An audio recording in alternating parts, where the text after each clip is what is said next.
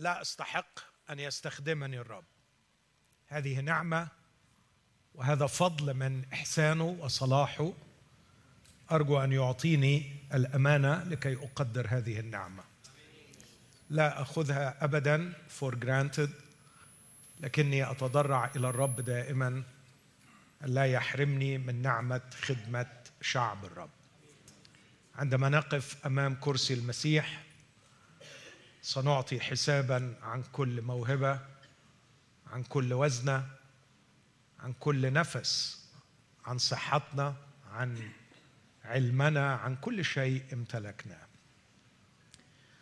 ولن يكون هناك امتياز أو مكافأة أسمى من أن نكون خدمنا المسيح. خدمنا المسيح في جسده. خدمنا المسيح في خرافه. هذا الذي لم يترك لخدامه إلا وصية واحدة قبل أن يغادر العالم. أتحبني؟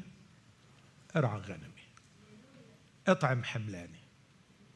لذلك أحبائي أشعر بالشرف والامتنان أن يعطيني الرب الصحة والقوة والمعونة لكي أخدمكم.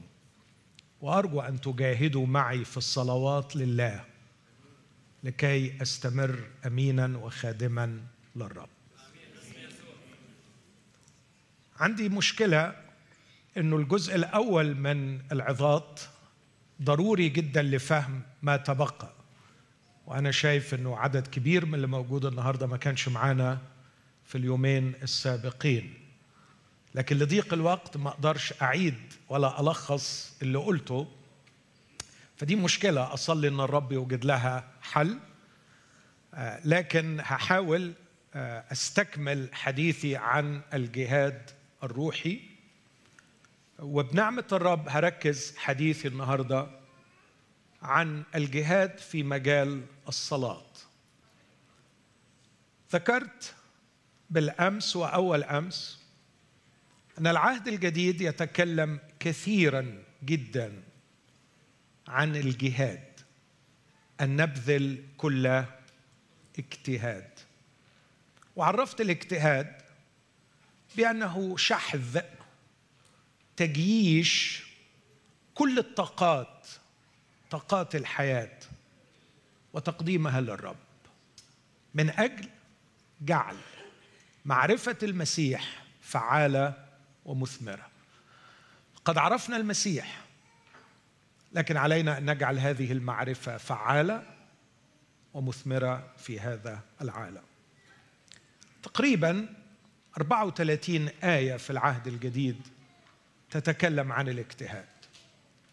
حوالي 17 منهم بيتكلموا عن اجتهادك واجتهادك لكي تنمو اخلاقيا لكي تنمو روحيا لكي تتغير إلى تلك الصورة عينها من مجد إلى مجد. الرسالة الكبرى والعظمى لسكن الروح القدس فينا هو أن يخلق فينا شعبا مشابها للمسيح. إخوتي أرجوكم أرجوكم أن يتعمق فينا هذا.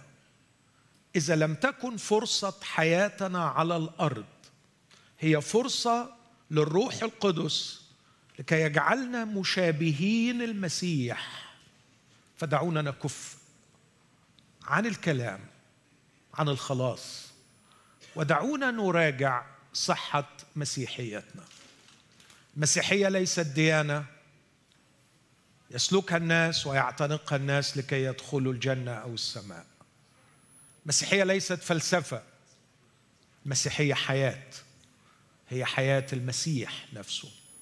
فإذا أعلنا أننا مسيحيين وأقرينا بأننا قبلنا المسيح ولم تظهر فينا حياة المسيح نحن نكون كاذبين.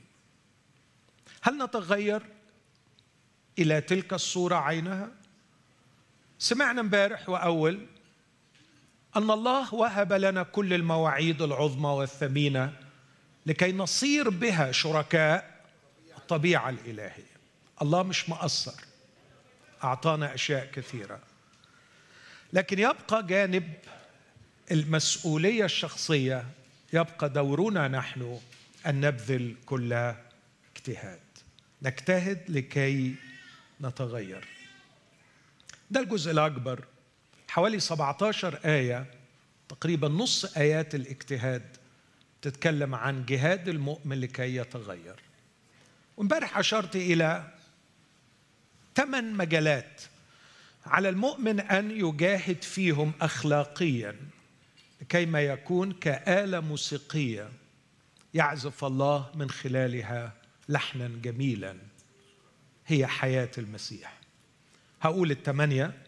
الإيمان أي العلاقة معه الوجود في محضره ثم الفضيلة الأخلاق ثم المعرفة معرفته شخصيا والنمو في معرفته ثم التعفف أي التحكم في الذات تعفف.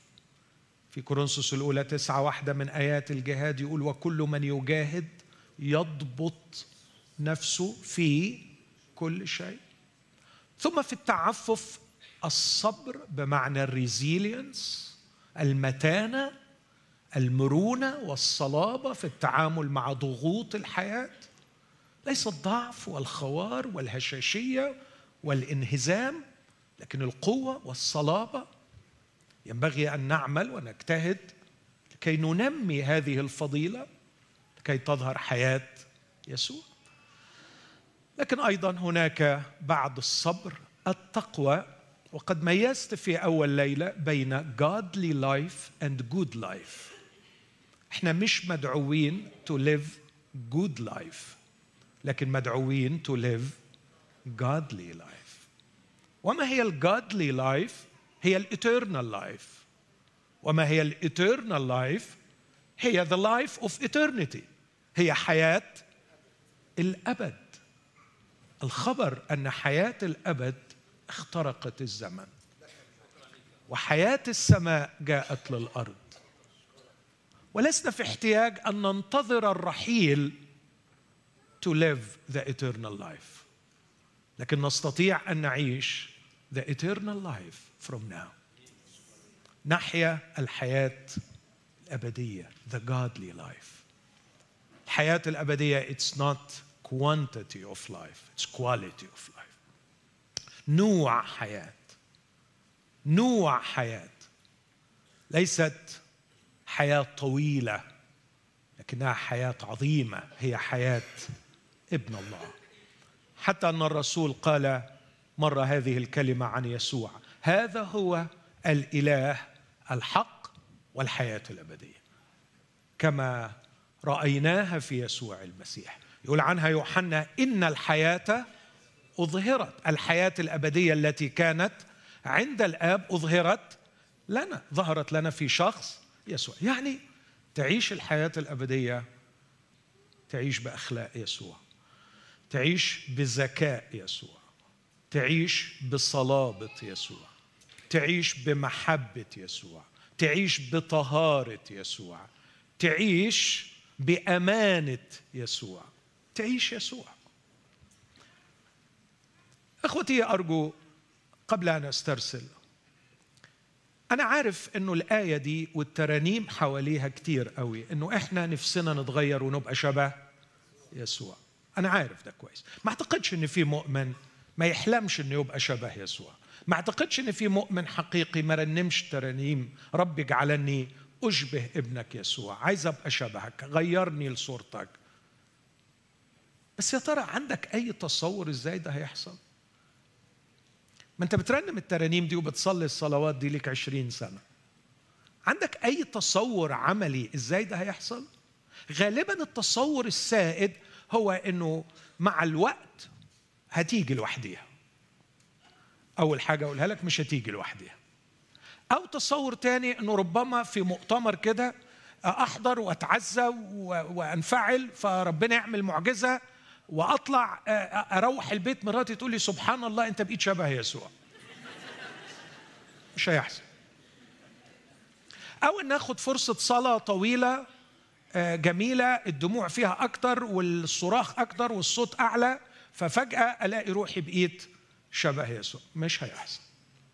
الطريقة الوحيدة وأنتم باذلون كل اجتهاد. إخوتي it takes work. It takes time. It takes effort. لابد أن تشتغل وباجتهاد لكي ما تتغير إلى تلك الصورة عينها اللي الرسول بطرس حط إرشاد قدامنا وبيقول علشان تبقى شبه يسوع فكر في الثمان مناطق دول. فكر إنك تبقى more resilient فكر إنك تكون more self controlling بتعرف تتحكم في لسانك بتعرف تتحكم في أكلك بتعرف تتحكم في مشاعرك. صلي من أجل هذا الأمر. واقرأ وابحث ودرب نفسك. نتدرب نتدرب. الحياة الروحية هي حياة تدريب تدريب. نحن في حياة التقوى يقول يقارنها بالرياضة. الرياضة الجسدية نافعة. لقليل أما التقوى فهي نافعة لكل شيء فيها تدريب. درب نفسك. درب نفسك. لكن أيضا يضيف المودة الأخوية وهذا مجال يجعلني أيضا آه، أكثر شبها بيسوع وعرفتها بالأمس أنها تحمل مسؤوليتي تجاه إخوتي. فكل أخت وكل أخ أنا مسؤول عنهم أمام الله. شر كبير أن أقول أحارس أنا لأخي؟ هيبص الرب في عينيا ويقول لي yes you are أنت حارس لأخوك. وأنت مسؤول عن أخوك. وعليك أن تنذر أخاك إن رأيته يخطئ. وعليك أن تطعم أخاك إن رأيته جائع. وعليك أن لا تغلق أحشائك عن أخيك إذا رأيته في احتياج. فأنا مسؤول عن أخي. وعلى فكرة هو هيستفيد قراءة أنا هستفيد 24 عندما أتحمل مسؤولياتي من جهة أخي هو هيشبع هو هينصح هو هيفرح هو هيتعزى وكل دي حاجات حلوة. بس تعرف أنا اللي هستفيده إيه؟ هبقى شبه يسوع. أنا اللي مستفيد أكتر. هو تعزى هو فرح لكن أنا اتغيرت وقربت حتة من يسوع الذي أحب الكنيسة وأسلم نفسه لأجلها. وكانت القمة في النهاية هي المحبة. إيمان يعبر عن نفسه بالأخلاق الفضائل الإكسلنسز. لابد أن تكون متفوقا في أخلاقك عن بقية الناس. وفي الفضيلة معرفة لابن الله. هذه الحياة الأبدية. أن يعرفوك أنت الإله الحقيقي وحدك ويسوع المسيح الذي أرسلته. أعرفه. تستنير عيون أذهانكم في معرفته. أن نعرفه. مجال جهاد. مجال جهاد. ياخد كم يوم من أيام العمر علشان أعرفه. قال المرنم زمان لو قضيت عمري لأعرف. هل فكرت اليوم؟ إنك عايز تعرفه أكتر. هل كان في صلاتك الصبح أو في السيارة بتاعتك أو أنت بتمشي أو بتعمل رياضة أو whatever ال activities اللي بتعملها هل كان داخلك هذا الشعور نفسي أعرفك أكتر لأعرفه وقوة قيامته؟ وهل في المعرفة فعلا مارسنا التعفف ثم الصبر؟ والتقوى والمودة الأخوية والمحبة. أراها أصابع السلم الموسيقي التي يعزف عليها الفنان الأعظم لحنا جميلا. لو حطينا حياة ماهر أو سامي أو سامح أو أي حد نحط حياته بين إيدين الرب. والفضائل دي عمالة تكبر وتتكون والرب يسوع يلعب بأصابعه كالفنان. إيه اللي يطلع من الحياة دي؟ إيه اللي يطلع من الحياة دي؟ عزف جميل سيمفونية جميلة نغمة جميلة. ساعتها نكون رسالة المسيح مقروءة ومعروفة من جميع الناس. إخوتي الأحباء الناس مش هتشوف المسيح من خلال كلامنا لكن من خلال فضائلنا. من خلال صبرنا من خلال تعففنا من خلال انطباع صورته فينا. بتعجب كتير من صلوة بتترفع دايما. يا رب مجد اسمك. يا رب مجد اسمك. أتذكر مؤتمر كان في عدد كبير مش هقول قد إيه من الناس وكان الشعار بتاعه مجد اسمك أو مجد ابنك. فمسكت واحد من المسؤولين. قلت له هيمجدوا إزاي؟ إحنا عاملين الحشد الرهيب ده وهنقول للناس كلنا نصرخ ونصلي ونقول لربنا مجد اسمك. ممكن تقول لي من فضلك هيمجده إزاي؟ قال لي ما أعرفش. إحنا شغلتنا نقول له مجد اسمك أو مجد ابنك وهو يتصرف. أيوه إزاي يعني؟ تخيلنا إيه؟ مجد الله هو مجد شخصه. ومجد شخصه لا يعلن إلا من خلال شخصيات. أمين أحبائي مفهوم قصدي؟ God's glory is the glory of his person. مجد الله ليس فيما يملكه. مجد الله فيما يكون. من هو؟ هو الجلوريوس بينج هو المجيد. مجيد في ذاته. ليس مجيد فيما يملكه لكنه مجيد فيما يكون. ومجد الكينونة لا يعلن ويكشف إلا من خلال كينونات إلا من خلال شخصيات إلا من خلال ناس بتفكر ناس بتحب ناس بتقرر ناس بتتحمل ناس بتدخل في حوار ناس بتعرف تعيش حياة صحيحة كما عاش يسوع. كيف مجد يسوع الله على الأرض؟ مش قاعد يغني له. كانش يطلع على جبل ويقعد يقول له أنت أحلى إله وأنت أحلى أب وأنت أجمل أب.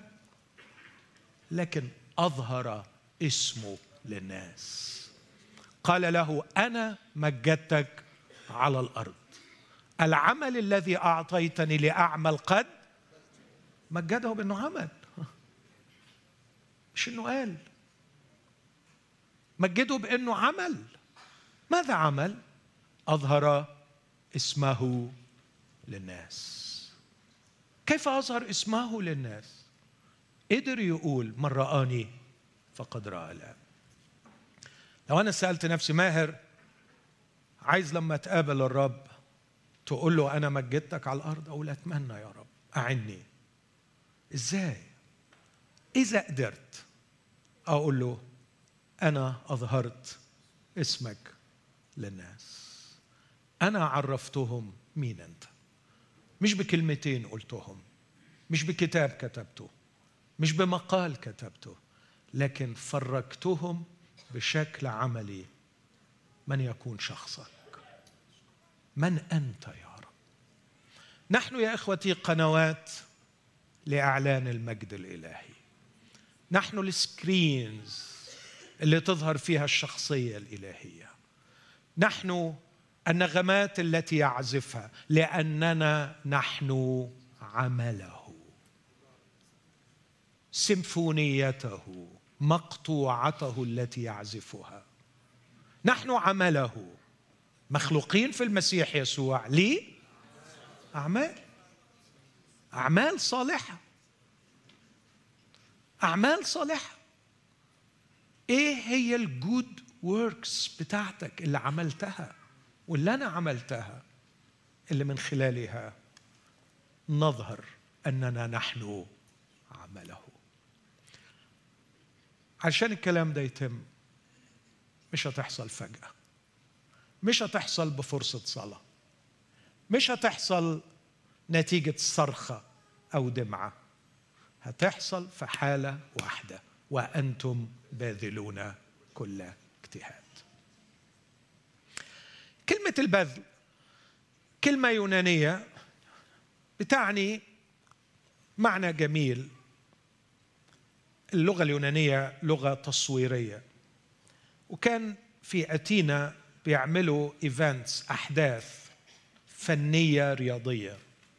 وكان لابد من sponsor يتولى الإنفاق على هذا الحدث. فكان ال sponsor لازم يكون من أعيان المدينة لازم يكون راجل غني. فكان بالضبط كده وهذا معنى الكلمة باذلون. يستحضر كل ما عنده إلى موقع الحدث لإنجاحه. يستحضر كل ما عنده لموقع الحدث لإنجاحه. كأن الروح القدس بيقول في حدث. هو أن تمجد الله أن تظهر صفات يسوع في حياتك. عليك أن تبذل كل اجتهاد أي أن تستحضر كل ما عندك من إمكانيات إلى موقع الحدث لكي ينجح هذا الحدث اللي هو أن يظهر يسوع في حياتي. وأنتم باذلون استحضار كل الإمكانيات إلى هذا المكان إلى هذا الموقع لإظهار مجد يسوع. كلمة اجتهاد منها الكلمة سبوداي باليوناني اللي منها سبيد بالإنجليزية اللي فيها معنى الحماس السريع الإسراع في طاعة الرب. الإسراع في طاعة الرب لإتمام مشيئته وأنتم باذلون كل اجتهاد. علينا أن نشارك علينا أن نجعل هذا الأمر أولوية. علينا أن نخص هذا الأمر باهتمامنا الأقصى. علي كل يوم أنا أعرف إنه علي مسؤولية إني أجاهد في الحياة المسيحية. أجاهد. ذكرت دايما وبكرر مش المفهوم بتاع اتجدد وتمدد لكن اتجدد وتجند. إني بعد ما اتجددت أبدأ الجندية الحقيقية لكي ما أتمم قصد الله في حياتي بأن أتغير إلى تلك الصورة. عينها أمين. خلوني أنتقل إلى فكرة أخرى. اللي قلته ده كله تقريبا لخصت اللي قلته امبارح وأول. مضطر عشان الناس الجديدة. لكن خلوني أنتقل إلى فكرة إن إحنا عندنا صعوبة في إن إحنا نجاهد. اكشولي عندنا صعوبات وليس صعوبة واحدة. عندنا صعوبات ثقافية وعندنا صعوبات لاهوتية تعوقنا عن الجهاد الروحي. همر مرور سريع جدا على بعض الصعوبات الثقافية وبعض الصعوبات اللاهوتية. الصعوبة الثقافية الأولى لما أقول ثقافة أحبائي أرجوكم ما تاخدوش الأمر لايتلي يعني. لكن لما بقول كلمة ثقافة ما أقصدش إنك قريت قد إيه ما أقصدش إنك واعي قد إيه اطلاقا. لكن لما أقول ثقافة أقصد الطريقة التي تشكل بها عقلك. كيف تفكر؟ لما بنقول العقل الصيني أو العقل الغربي أو العقل الشرقي أو العقل الأمريكي أنا أتكلم عن قواعد عن معتقدات أتكلم عن عادات عن سلوكيات صاغت وشكلت هذا العقل بحيث إنه لما يشتغل بيشتغل بطريقة معينة. إحنا مغمورين في الثقافة شئنا أم أبينا؟ إحنا عايشين في مجتمع يؤثر علينا بقوة ويصيغ طريقة تفكيرنا فلما بتكلم عن الثقافة أتكلم عن الطريقة التي تعمل بها عقولنا. تذكر لما سافرت إلى أمريكا لكي أدرس أحد الأساتذة المتميزين العالميين رب أعطاني نعمة في عينيه فقال لي تعالى لي المكتب عايز أقعد معاك. قعدت معاه أول سؤال سالوني قال لي أنت جاي في السن ده كان عمري خمسين سنة جاي في السن ده وسايب عيلتك وجاي تدرس. إيه اللي بتحلم تعمله في بلدك؟ فقلت له عايز نفسي أعمل كذا وكذا وكذا. قال لي وإيه الكورسات اللي بتدرسها؟ فقلت له so far درست كذا وناوي أدرس كذا. قال لي أنت مش محتاج اسمعوني في التعبير ده biblical exegesis أنت محتاج cultural exegesis. انت محتاج تتعلم كيف تفهم ثقافة شعبك. وإذا لم تتعلم كيف يفكر شعبك لن تستطيع أن تصل إليهم بحق الإنجيل. فكر كيف يفهم الناس ما تقول وليس فقط تهتم بما تقول. قول اللي بتقوله حلو بس المهم الناس تفهم إيه. كيف يفهم الناس ما أقوله؟ ودي خلت عملت عندي شفت كبير في دراستي وفي اجتهادي. كيف نفهم اليوم كلمة اجتهاد؟ تستغربوا لو قلت لكم إنها مش مفهومة؟ وأؤكد لكم إنه عدد أو نسبة كبيرة من اللي بيسمعني وأنا عمال أقول اجتهاد بيقول يعني يعني إيه؟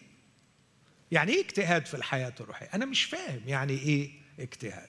ليه؟ ليه وصلنا إلى هذا. أشير إلى بعض التغيرات الثقافية. العالم كله انتقل في الخمسين سنة الأخيرة أو السبعين سنة الأخيرة من اقتصاد الصناعة إلى اقتصاد الخدمات. 83% من الموظفين في أمريكا لا يعملوا في مصانع لكن يعملوا في خدمات. عدي على المدن الكبيرة اللي كان فيها مصانع تلاقيها مقفرة. مفلسة. روح للمناطق اللي فيها entertainment اللي فيها services تلاقيها مزهزهه العالم كله اتجه إلى اقتصاد ليس الصناعة ليس أن تصنع وتتعب لكي تنتج لكن إلى اقتصاد أن تخدم وتخدم بحيث إنك تتخدم بحيث إنك تستمتع. فكر معايا في التكنولوجي. كل الاتجاه اللي العقول الجبارة في السيليكون فالي قاعدة شغالة ليل ونهار بتشتغل علشان تطور في ال technology ال target النهائي هو الراحة. فكر في سياراتنا من 30 سنة والسيارات حاليا. التقدم كله على أنهي محور؟ مزيد من؟ راحة.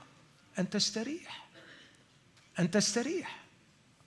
يعني كنا زمان فاكرين ال manual ننقل بعدين بقي أوتوماتيك بعدين بقي الزرار وبعدين بقينا كله بالتاتش. وأخيرا ركبت سارة مع واحد صديق بيغير البتاع بيعمل لها كده. تتغير فعلا.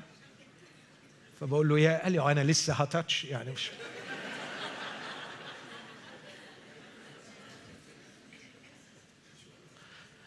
عندما تعيش غارقا مغموسا في ثقافة الإعلان فيها الماركتينج فيها الصناعة فيها الاقتصاد فيها كله بيدفعك إلى الراحة. ويقاس تقدم الشعوب ويقاس رقي الشعوب بحجم الراحة. يصبح الكلام عن الاجتهاد كلام غريب كلام غير مفهوم. لم يعد هناك هذا الصانع الذي يقضي الساعات لينحت شيئا. لم يعد هناك هذا العامل الذي يتعب مجاهدا طول الوقت ودي الثقافة اللي الكتاب اتكتب فيها. لما يقول إني أتعب مجاهدا. الناس اللي بتسمع بتفهم يعني عارفة يعني إيه واحد بيتعب مجاهدا. أنا نشأت في طفولتي عشت في قرية في محافظة المنيا وكان قدامنا حقل فكنت أحيانا أقعد أتفرج الراجل وهو بي بي بيعمل بالفاس بيعمل بالفاس في حر النهار القاتل. طول اليوم ما بيعملش غير نفس الحاجة. ماشي ورا الخط ده ما أعرفش يسميه إيه اللي عمال يعزق فيه بالفاس يعزق بيه في الفاس. فدان فدانين. لو كنت سمعت في الكتاب حد بيقول لي ساعتها ماهر اتعب مجاهدا. يمكن صورة هذا الفلاح هي اللي بتيجي لذهني. لكن النهارده لما بركب سيارة واحد بيعمل للكاسيت بتاعه ولا بيغير ال music بتاعته بانه بيشاور لها كده. مش هيفهم المسكين ده يعني إيه اتعب مجاهدا. entertainment استراليا مبسوطة في 22 لأنه رجع لها 39 بليون دولار سنة 22 من ال live entertainment ال entertainment الحي. ال sports والمسارح وال music رجع لها منها 39 بليون دولار. تخيل؟ 39 بليون دولار ده فقط اقتصاد ال live entertainment القيمة المثلى في الحياة هي to be entertained مش إنك تتعب. 39 بليون دولار دي تحل لنا مشاكلنا في مصر. ده ال live entertainment لكن يا إخوتي أيضا في مأساة أخرى أننا نشأنا في ظل نظام سياسي اقتصادي رأسمالي ديمقراطي استهلاكي. consumerism خدمت خدمة ممكن تلاقوها على الإنترنت. الكنيسة بين كوسكو و Kyriaki. عندما تذهب إلى كوسكو حلم أصحاب كوسكو إنك تطلع satisfied أصعب كلمة يسمعها المسؤول عن خدمة العملاء إنك تروح تقول له I'm not satisfied. أوعى تستهتر بهذا الأمر. لقد شكلت هذه الثقافة الاستهلاكية عقلك فبقيت بتتعامل مع الكنيسة ومع الأمور الروحية على أنه مجتمع ينبغي أن يجعلك satisfied. لازم الموسيقى تبقى على مزاجك. لازم المرنم يبقى كويس. لازم الوعظة تبقى معقولة محدودة. 20 دقيقة 22 دقيقة حاجة بسيطة كده. ولازم أطلع ولازم أتعامل معاملة جيدة جدا لأني أنا client والزبون دائما على حق. و I have to be أنتوا بتضحكوا. انت ما تقدرش تفصل نفسك. محتاجة مجهود علشان تميز انت داخل كوسكو ولا داخل الكنيسة. لأن العقل اللي بتتعامل بيه طول اليوم اونلاين مع البضائع اللي بتشتريها أو مع المحل اللي بتشتريه ما بتقدرش تعمل له switch لما بتدخل للأمور الروحية ما أنت نفس البني آدم. فبتيجي لأمور الله make me satisfied يلا وريني. ابسطني ريحني. شبعني. أمال ليه لازمة الصلاة؟ أنا مش فاهم عمالين يقولوا لنا صلوا ليه؟ إحنا نصلي علشان ربنا يخلينا satisfied أنا زبون. أنا client أنا جيت لك. أنت مش واخد بالك؟ أنا جيت لك. على فكرة في محلات تانية بس أنا جيت لك. أنا من كل الديانات والفلسفات اخترت المسيحية. ينبغي تقدر إن أنا جيت لك. وعلى فكرة يا قسيس من كل الكنائس أنا جيت كنيستك. ينبغي إنك تحمد ربنا وتقدر. أنا جيت عندك. You have to satisfy me. طبعا لما أجي في ثقافة بالشكل ده وأتكلم عن الاجتهاد هيبقى كلام ابذل قدم اتعب جاهد صارع اعرق. ده الرسول بعد شوية يقول لم تجاهدوا حتى الدم. مجاهدين ضد إيه يا عم الكلام الغريب ده؟ نجاهد ونجاهد لغاية الدم. أصبح الجهاد في عصر الاستهلاك كلام مش بقول غير مقبول لأ غير مفهوم.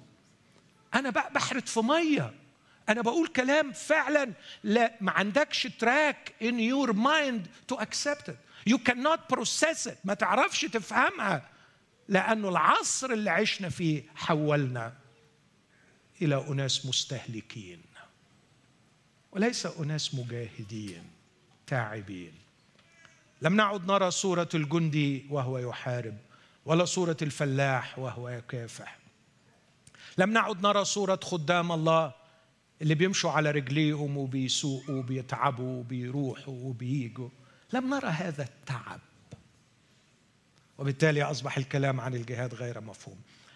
لكن أخيرا أقول أيضا من الأسباب الثقافية المخيفة هو أننا نعيش ثقافة تدفعنا لكي نكون ما يسمى بالإنجليزية entitled. كلمة entitled يعني لنا حقوق. وكل الحديث هو عن حقوقنا. والنهاردة أنصح بمزيد من القراءة عن ما يسمى victimhood culture. أي واحد مش واخد الحقوق بتاعته بيشعر ان هو victim. أنا مش واخد حقي. ف بسمع حتى في مصر للأسف الشديد. Uh, I don't like this marriage. I want to quit. ليه يا حبيبة قلبي؟ ليه يا ماما؟ مش مش مبسوطة. He couldn't make me feel myself. بجد؟ طب وده إيه انت شايفة؟ شايفة ابيوز أنا تعبانة. أنا تعبان. Where are my rights? My rights my rights. والمجتمع كله حواليك بيدعم فكرة your rights your rights. ويا ويلك لو قلت أي كلمة تخلي واحد يشعر إنه هيرت يرفع عليك قضية. فهذه الثقافة كلها entitled to take everything. Entitled to be entitled entitled. لنا الحقوق. صعب جدا إن أنا أتكلم عن الاجتهاد. بس اسمعوني يا إخوتي الأحباء أخاطب ضمير كل مسيحي حقيقي. لن أغير كلمة من هذا الكتاب. وأنتم باذلون كل اجتهاد. لا أستطيع to compromise. لا أستطيع أن أساوم في أي حرف. لن نتغير لنصبح شبه يسوع إلا إذا بذلنا كل اجتهاد. ما هي المشاكل اللاهوتية التي تقابلنا في كلمة الاجتهاد؟ عندنا مشاكل كثيره الحقيقة. أشير إلى ثلاثة منهم بسرعة. مشكلة تواجه الإنجيليين. جماعة الإنجيليين. الانجيليين عندهم مشكلة مع كلمة الاجتهاد إنها بقيت كلمة سلبية السمعة. ليه؟ لأنه للأسف أصبحت مرادف عندهم للإيمان الذي به ننال الخلاص.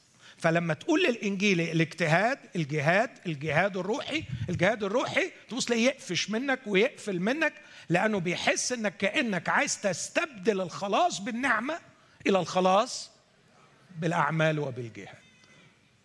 فبيقفل معايا. ما ما بيستقبلش مني. إخوتي الأحباء أرجو أن نفهم ما قاله فيلسوف مسيحي ولاهوتي مسيحي عظيم وإنجيلي دالاس ويلرد. اسمعوني يا إخوتي النعمة ليست العكس للاجتهاد والجهاد الروحي. النعمة هي العكس للاستحقاق. النعمة هي المضاد ليس للجهاد لكن النعمة هي المضاد للاستحقاق. عندما أقول أن الخلاص بالنعمة أقول أن الله خلصني وأنا لا أستحق. وأنا عاجز كل العجز وأنا لا أستطيع. لقد تدخل وخلصني بالنعمة. لكن بعد هذا النعمة لا تعني ابدا. أن الله بالنعمة يخلق كائنات كسولة كائنات عاجزة كائنات غير مجاهدة. لكن النعمة التي خلصتني هي التي تجعلني مجاهدا عظيما. وإذا لم أجاهد فأنا أتساءل عن حقيقة النعمة التي تتكلم عنها. قال عنها الرسول يحولون نعمة إلهنا إلى الدعارة. عندما تتكلم عن نعمة لا تقودك للجهاد أنت تتكلم عن تسيب ودعاره وليس عن نعمة الله. دي مش لغتي دي لغة الكتاب المقدس. يحولون النعمة إلى دعاره النعمة بولس بيقول نعمته العاملة معي. بص الكلمة. نعمته العاملة معي لم تكن باطلة لأني تعبت أكثر من جميعهم. كيف ظهرت النعمة في حياة بولس؟ بالعمل بالتعب بالجهاد. اوعى اوعى تكلمني عن نعمة تخليك تنام وتتمدد. اوعى تكلمني عن نعمة تخليك تتراخى وتتسيب. اوعى حرام عليك تبوظ أرقى وأسمى تعبير في المسيحية. كلمة النعمة ما تفسدهاش الله يطول عمرك. بأنك تجعلها مرادف للتراخي والتسيب وعدم الجهاد. النعمة الحقيقية تجعلني أنفق وأنفق. هذه هي النعمة. هل على المسيح دور في الخلاص؟ طبعا. طبعا عليه دور في الخلاص. الله لا يخلص robots بال remote control. الله لا يخلص حيوانات فاقدة المسؤولية والأهلية. لكن الله يدعو وعلى الإنسان أن يتجاوب ويستجيب. والله يقدم كل ما هو للحياة والتقوى وعلى الإنسان أن يبذل كل اجتهاد من الجانب الآخر. اسمع هذه العبارة الرسول يقول لتيموساوس. اجتهد أن تقيم نفسك لله مزكى عاملا لا يخزى. ويستكمل ويقول إلى أن أجيه أعكف على القراءة والوعظ والتعليم. وبعدين يختم يقول له لأنك إن فعلت ذلك تخلص نفسك والذين يسمعونك أيضا. عندنا مشكلة لاهوتية. لقد تم الخلط بين مفهوم النعمة ومفهوم الجهاد واعتبرنا النعمة مضادة للجهاد وهذا شر يا أحبائي النعمة مضادة للاستحقاق. لكن من الجانب الآخر عندنا مشكلة مع إخواتنا غير الإنجليين إن لما بنقول الجهاد يقول لك بس كويس أنت جيت لي أنا فاهم يعني إيه جهاد. ده ده موضوعنا. ده موضوعنا. أنا فاهم يعني إيه الجهاد طب إيه الجهاد؟ يستقبلوا الحت الحقيقة في تراك معين إنه هو ما سأفعله من أفعال تدخلني السماء. غلط. على فكرة مفيش عمل تعمله يدخلك السماء. مفيش عمل تعمله يدخلك السماء. على فكرة علشان تدخل السماء إيه مفهومك عن السماء؟ حتة واسعة حلوة كبيرة كده. حتة جميلة المناخ فيها كويس. اير كونديشن الأرض فيها كويسة مفيش مشاكل. الهواء نقي. إيه تصورنا عن السماء؟ تصورنا عن السماء؟ صدقوني يا إخوتي في المفهوم المسيحي لا يختلف اطلاقا عن مفهوم الجنة. بس هم عندهم أكل وشرب إحنا عندنا ريكلاينرز وقيثارات هم هياكلوا ويشربوا إحنا هنغني. مش فارقة كتير. إيه مفهومنا عن السماء؟ مفهومي عن السماء؟ اسمعوا يا إخوتي. في بيت أبي منازل كثيرة. أنا أمضي لأعد لكم مكان. مضيت وأعددت المكان آتي أيضا وأخذكم إلي. حيث أكون أنا تكونون أنتم أيضا. اسمعوني يا إخوتي ركزوا معي في نفس الأصحاح بنفس الألفاظ اليونانية هي هي. أحبني أحد يحفظ وصاياي. أحبني أحد يحفظ كلامي. وأبي يحبه وأنا أحبه. وإليه نأتي. وعنده نصنع. إيه ده هي المنازل هناك ولا هنا؟ حضرتك قلت هتاخدنا للمنازل اللي في بيت الآب. وبعدين بتقول هتيجي وتعمل المنزل عندنا. يرد عليه رد بسيط يقول لي حبيبي حيث أوجد أنا يوجد المنزل. حيث أوجد أنا توجد السماء. إخوتي لسنا في انتظار أن نذهب إلى السماء. لقد أتت السماء إلينا. لقد نلنا حياة السماء. كل الفرق إني بعيش بحياة السماء هنا دلوقتي في جسم آدمي وبعد كده هعيش بحياة السماء في جسم سماوي. لبست صورة الترابي وسألبس صورة السماوي. لكن سواء لابس صورة الترابي أو لابس صورة السماوي أنا أعيش بحياة السماء في السماء لأنه حيث يوجد الرب توجد السماء. السماء أن أنا عايش معاه. السماء أن أنا مرتبط بيه. السماء أن أنا في علاقة مع هذا الإله. هذه هي سمائي. أتمنى يا إخوتي الأحباء أن نفهم أنك لكي تصل إلى السماء تحتاج إلى حياة السماء مش تحتاج تعمل أشياء. عشان كده المسيح ما كانش بيكرز بأعمال تعملها لكي تدخل السماء لكن الرب يسوع يقول أتيت لتكون لهم حياة. باختصار أخويا أختي إذا كان في حد اسمح لي أقول. قال لك إنك تدخل السماء في المستقبل بأعمالك هذا تعليم مضاد لكلمة الله. تدخل السماء من دلوقتي بنوع حياة تاخذها من يسوع المسيح. قال المسيح إني أنا حي فأنتم ستحيون. اسمع هذه الكلمات أرجوك وركز معايا يوحنا 5 24 الحق الحق أقول لكم من يسمع كلامي ويؤمن بالذي أرسلني له حياة أبدية ولا يأتي إلى دينونة بل قد انتقل من الموت إلى الحياة. لا دينونة لا موت لكن دخول هنا والآن إلى الحياة. مش مروح السماء بالأعمال. دخول السماء بحياة السماء بحياة يسوع من الآن هنا والآن هل امتلكت الحياة؟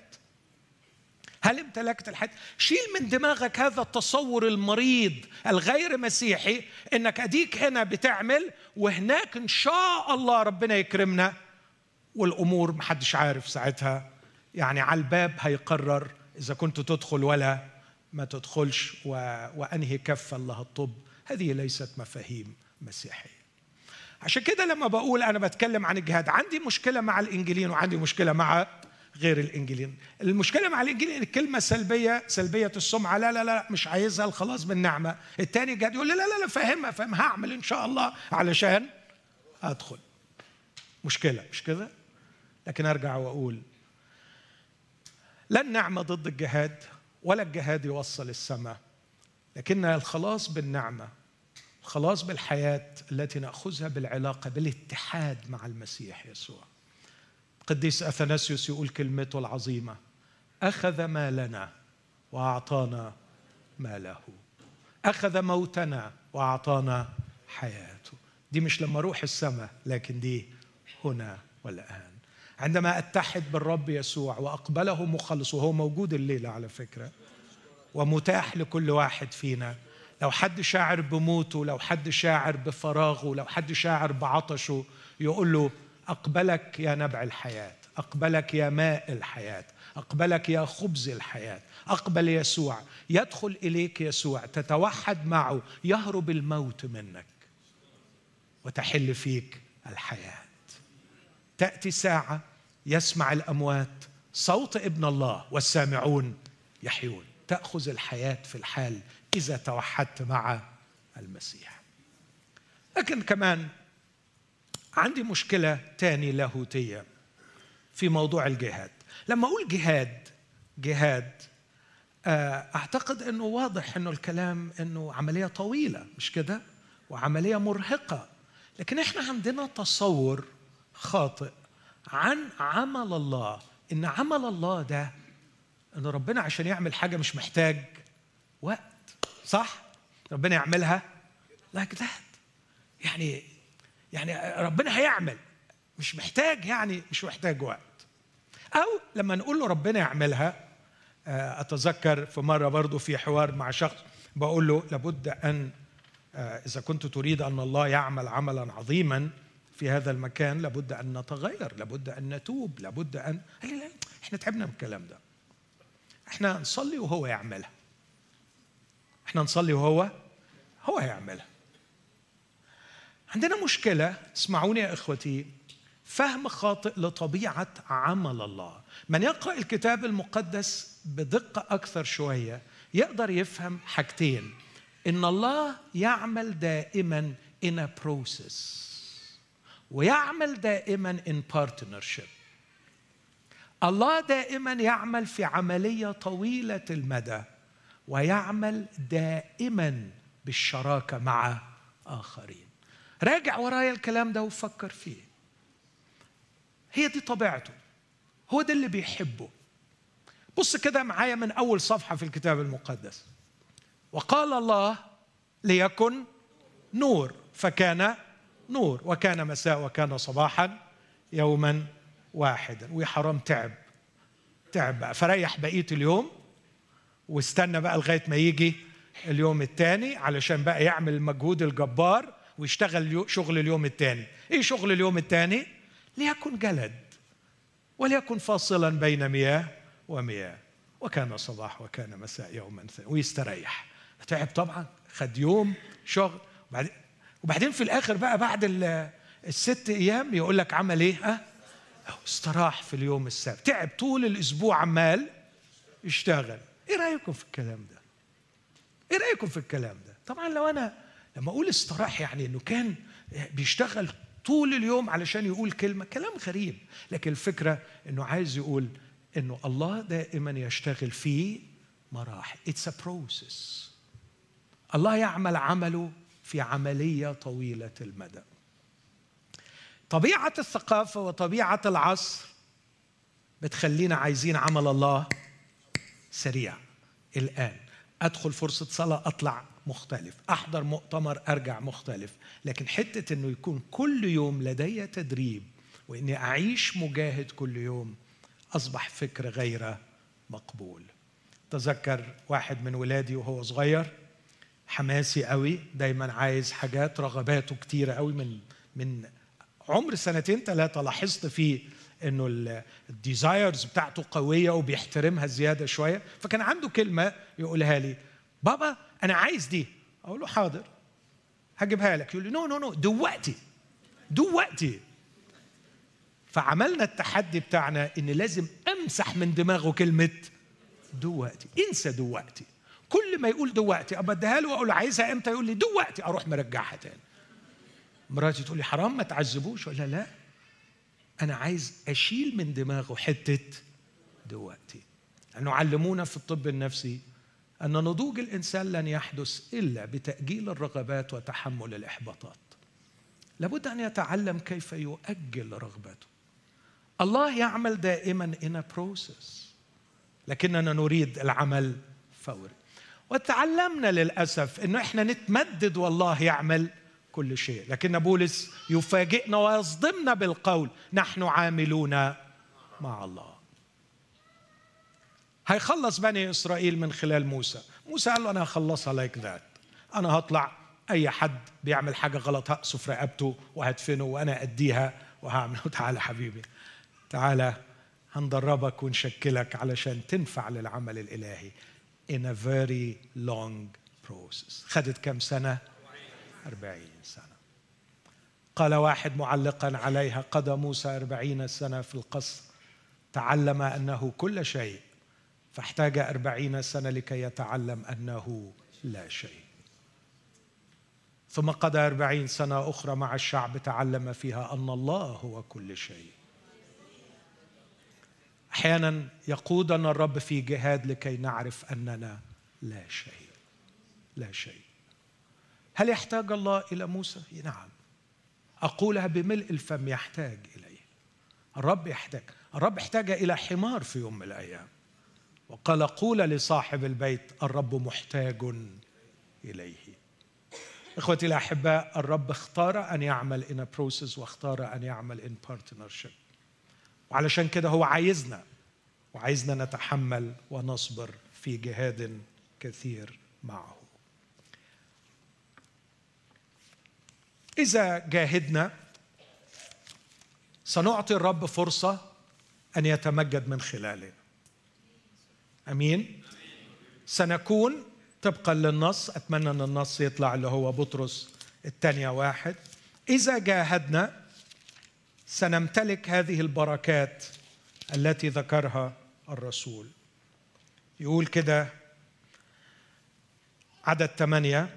لأن هذه إذا كانت فيكم وكثرت تصيركم لا متكاسلين ولا غير مثمرين لمعرفة ربنا يسوع المسيح. طب واللي مش هيجاهد؟ اسمع.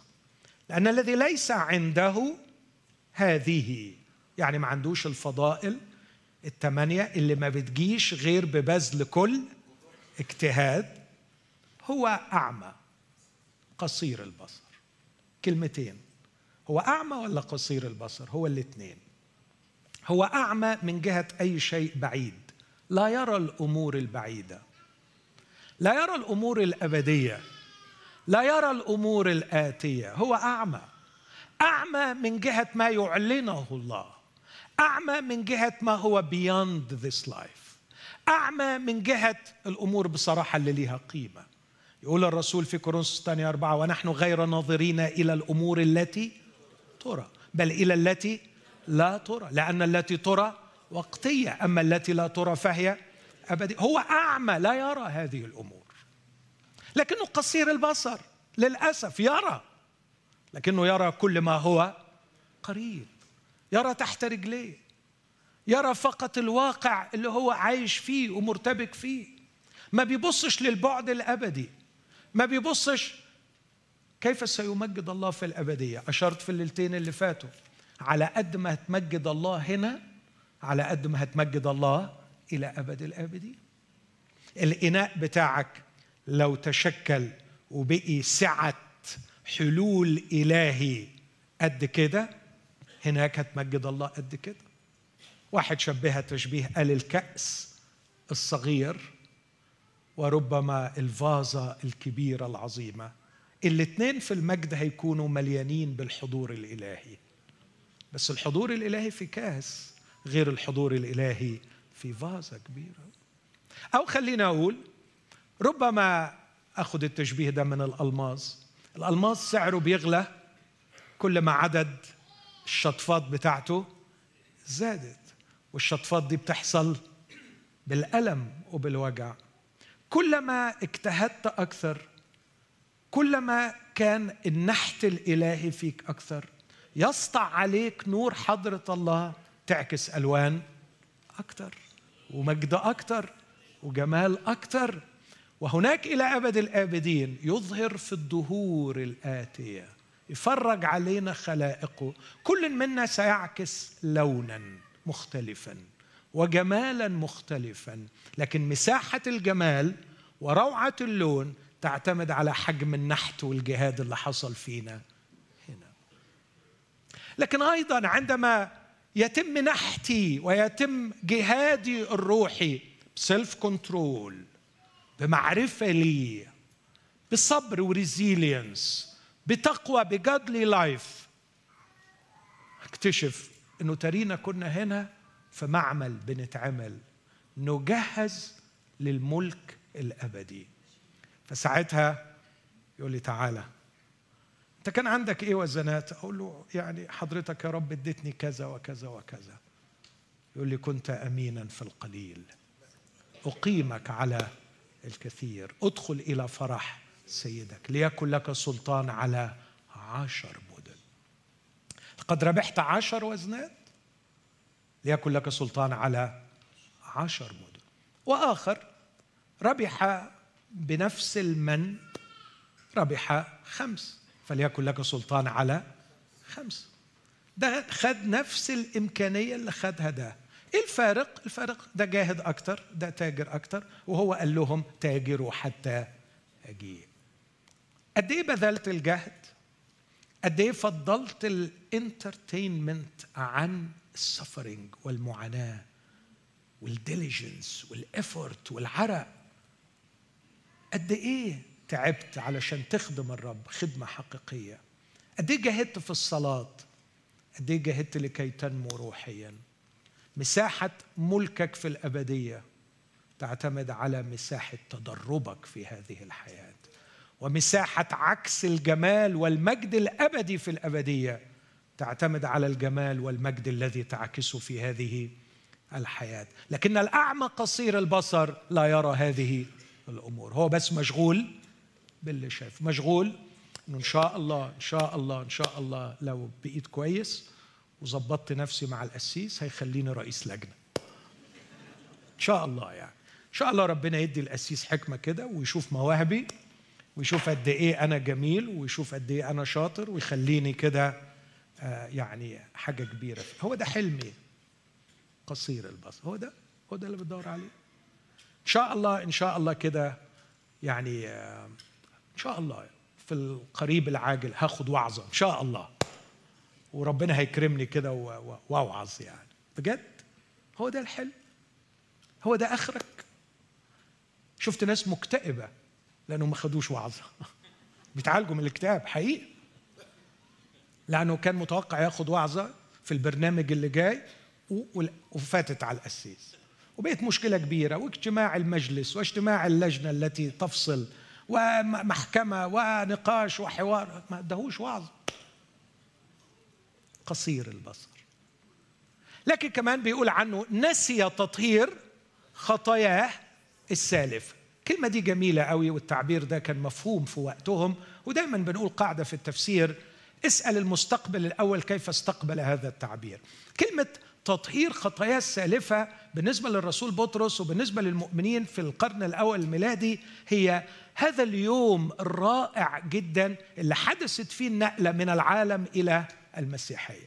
كانوا يقعدوا الأول يتلمذوا وبعد ما يتلمذوا بيوصلوا للنقطة إنه خلاص تأكدوا إنه هم مسيحيين حقيقيين فتتم المعمودية وفي يوم المعمودية كأنه غسل الماضي القديم بتاعه وانتقل إلى واقع جديد. فبطرس بيقول اللي ما بيجتهدش مش بس أعمى قصير البصر على المستوى المستقبلي لكن في الماضي نسي النقلة اللي ربنا عملها في حياته ولسه قاعد يرتبك في أمور العالم. نسي نسي إنه جاي منين؟ لسه بيعيش في دايرة العالم. نسي تطهير. نسي إن في قبر دخله. وطلع منه من الناحية الثانية نسي إن في سور بني بين الماضي وبين نسي إنه لازم يكون قال كنت أعمى والآن أبصر. خلاص في في نقلة حصلت في الحياة. هو أعمى قصير البصر. قد نسي تطهير خطاياه السالفه لذلك بالأكثر بالأكثر بالأكثر أكثر من علشان آه يعني أكثر من اللي فات أكثر من إنه ما تكونش متكاسل وغير مثمر علشان ما تكونش اعمى قصير البصر علشان ما تكونش نسيت خطاياك تطهير خطاياك. اجتهد اجتهدوا أيها الإخوة. اسمع أن تجعلوا دعوتكم واختياركم ثابتين. سؤال في غاية الأهمية. كيف أجعل دعواتي واختياري ثابتين؟ أنا أؤمن يا إخوتي الأحباء شخصيا أن المولود من الله ولادة حقيقية ونال الحياة وسكن فيه الروح القدس لن يفقد خلاصه لن يهلك. بس بيحتاج الأمر أن تعرف لي من هو المؤمن. ده موضوع مهم قوي فلما بيسألوني دايما هل تؤمن أن المؤمن لا يهلك؟ أقول ماذا تقصد بالمؤمن وماذا تقصد بالهلاك؟ عرف لي الأول يعني إيه مؤمن وعرف لي الأول يعني إيه هلاك. لأنه مثلا في نوع من الهلاك قال عنه الرسول هلاك للمؤمنين.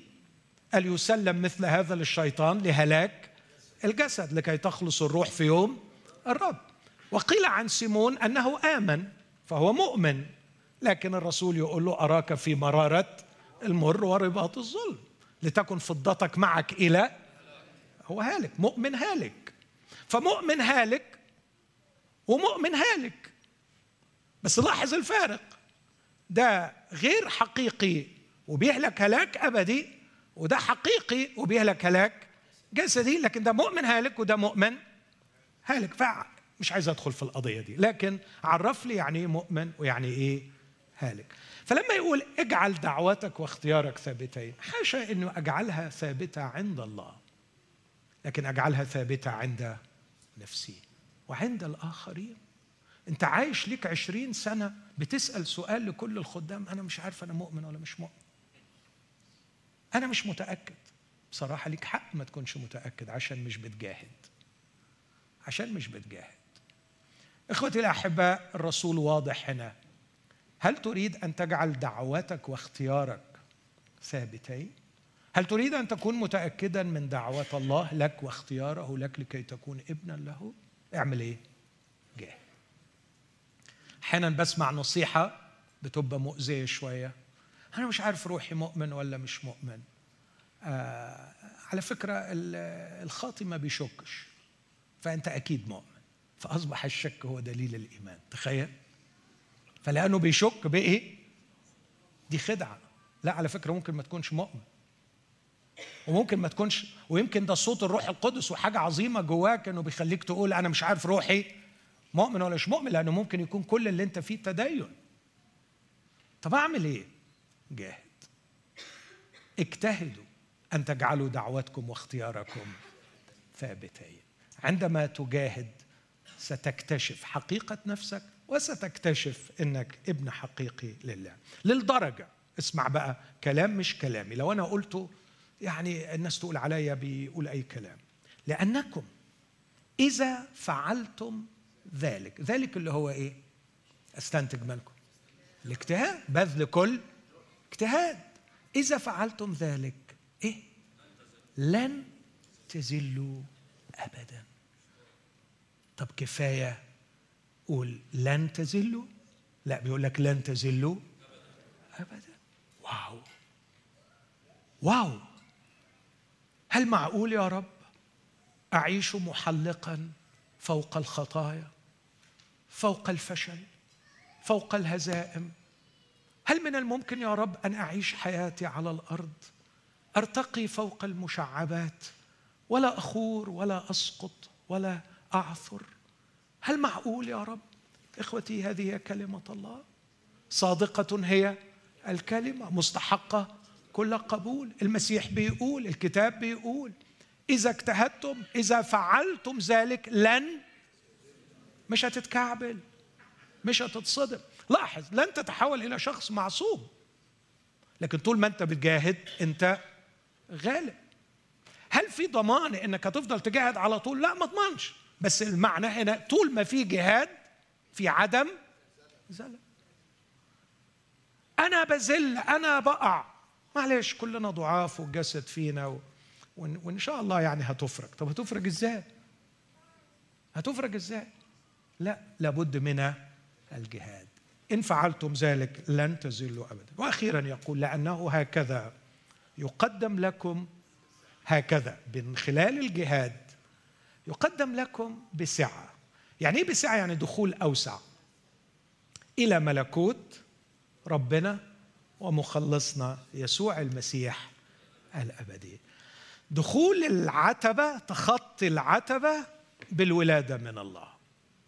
لا يقدر أحد أن يدخل ملكوت الله إن لم يولد من الماء والروح. فكيف تدخل ملكوت الله؟ تدخل بالولادة من فوق. إزاي تدخل بسعة لملكوت الله من خلال الجهاد؟ ويبقى في ملكوت الله في اللي دخلوا وفي اللي دخلوا بسعة. يعني إيه دخل بسعة؟ ربما أكيد مساحة سيادة أكثر مساحة إعلان مجد أكثر الكنيسة في الأبدية لها دور ريفيلاتوري تعلن مجد الله.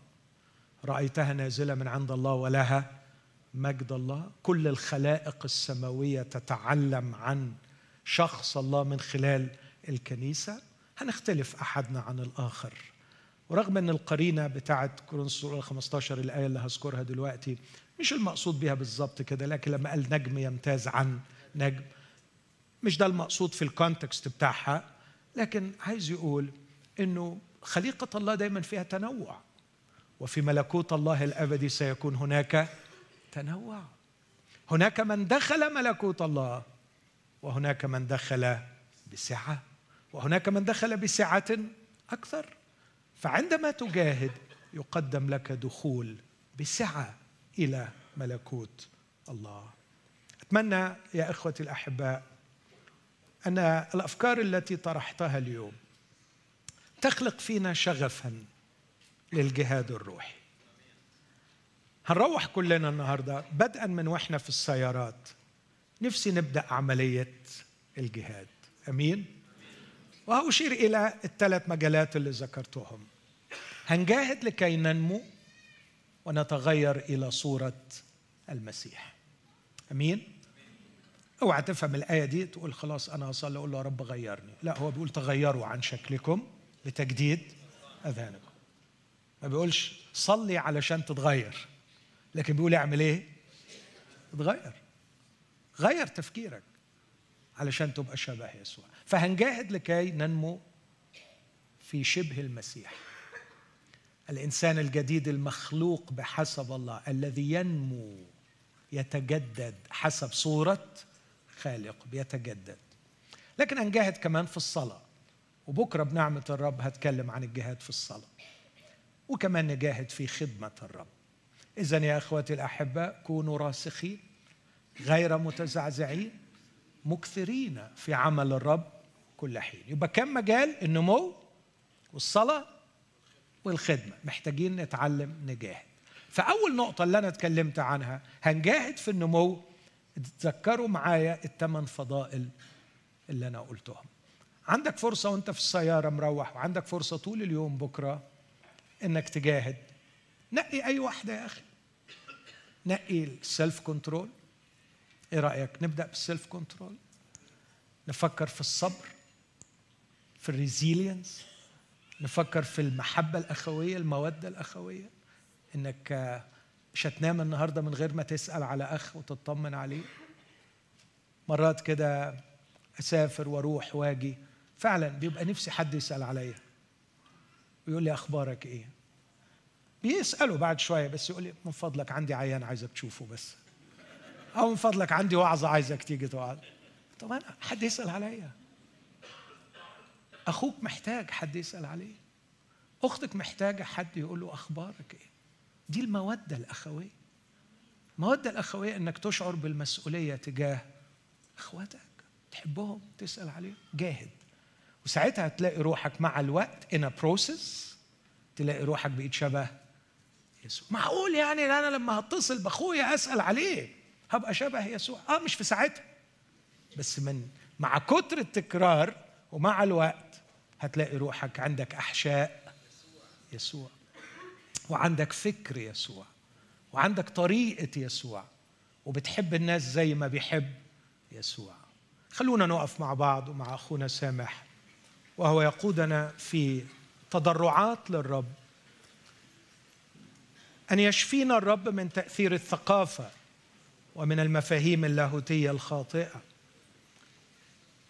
أنه يرد أرواحنا يرد نفسي ويهديني إلى سبل البر من أجل اسمه. ويرجعنا بنجاهد. اغفر لينا يا رب. صلي معايا الصلوة دي. اغفر لي خطية الكسل. اغفر لي استسلامي لل social media. اغفر لي. اغفر لي إضاعة الوقت في الانترتينمنت. اغفر لي عدم رؤيتي للأمور الأبدية.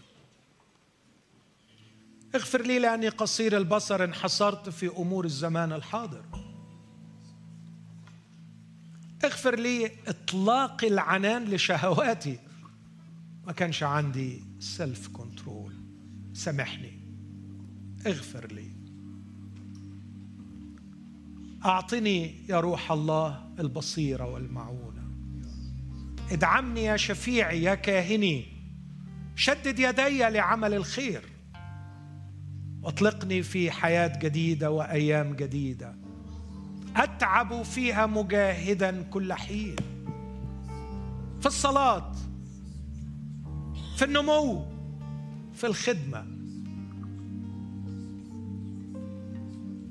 آه يا رب كم أرتعب. أن أسمع هذه الكلمة أيها العبد الكسلان والشرير. لا تسمح أن أكون يا رب. لا كسلان ولا شرير. يقطعه سيده ويجعل نصيبه مع المرائين. اخرج بنا يا رب من خطية الكسل. اخرج بنا من الرياء. حولنا إلى شعب حقيقي. يخدمك بصدق يتغير إلى صورتك. يفسح المجال لحلولك وحضورك. فيظهر مجدك للناس من خلالنا. نتحول إلى كرمة مثمرة في هذه الحياة. يقطف الناس من خيرنا من ثمرنا. ونطلب نطلب ما نريد فيكون لنا لأننا نعيش رسالتك وخدمتك. خرجنا يا رب من النوم والكسل والهزيمة. وانتقل بنا إلى حياة الفرح الحقيقي والخدمة الحقيقية. لنحظى بنياشين الشرف من الآن. لنرفع الرأس ونقول مع عبدك جاهدت الجهاد الحسن. أكملت السعي. حفظت الإيمان.